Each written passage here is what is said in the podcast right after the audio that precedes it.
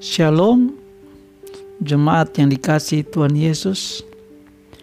Tema renungan kita menjadi besar dan terkemuka. Mari kita merenungkan bagian firman Tuhan dari kitab Lukas pasal ke-10 ayat 43 sampai 45. Berbunyi demikian, tidaklah demikian di antara kamu, barang siapa ingin menjadi besar di antara kamu, hendaklah ia menjadi pelayan dan barang siapa ingin menjadi yang terkemuka di antara kamu, hendaklah ia menjadi hamba untuk semuanya. Karena anak manusia juga datang bukan untuk dilayani, melainkan untuk melayani dan untuk memberikan nyawanya menjadi tebusan bagi banyak orang. Bapak, Ibu, saudara-saudari sekalian, Tuhan Yesus adalah Allah yang Maha Besar, Allah yang Maha Kuasa. Dia telah menjadi seorang manusia yang hidup di tengah-tengah manusia untuk melayani manusia. Alkitab menuliskan tentang bagaimana Tuhan Yesus melayani manusia.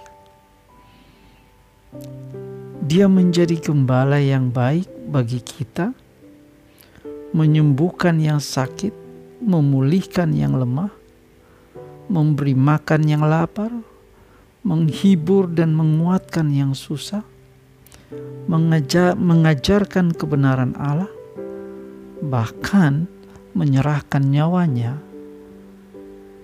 untuk menebus dosa-dosa manusia. Tuhan Yesus mengajarkan dalam Lukas pasal 22 ayat 27 yang mengatakan, Sebab siapakah yang lebih besar, yang duduk makan atau yang melayani? Bukankah dia yang duduk makan? Tetapi aku ada di tengah-tengah kamu sebagai pelayan. Dalam ayat ini, Tuhan Yesus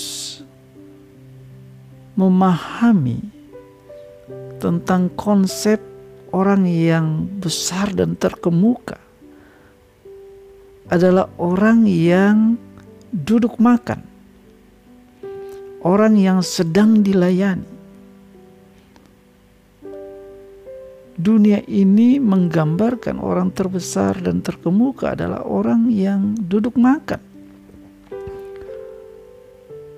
Tetapi Tuhan Yesus mengatakan dengan jelas bahwa Dia adalah seorang pelayan.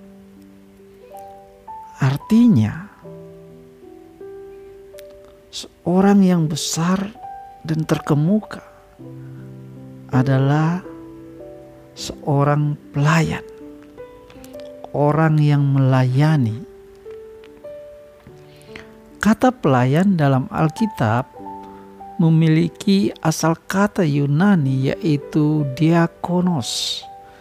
Digambarkan sebagai seorang petugas yang melayani tamu-tamu di meja makan.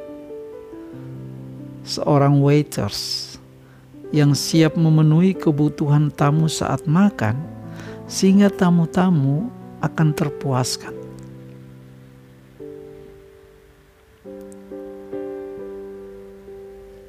Oleh karena itu kita belajar bagaimana caranya supaya kita menjadi besar dan terkemuka. Dan Tuhan Yesus katakan, cara untuk menjadi besar dan terkemuka adalah hidup sebagai pelayan-pelayan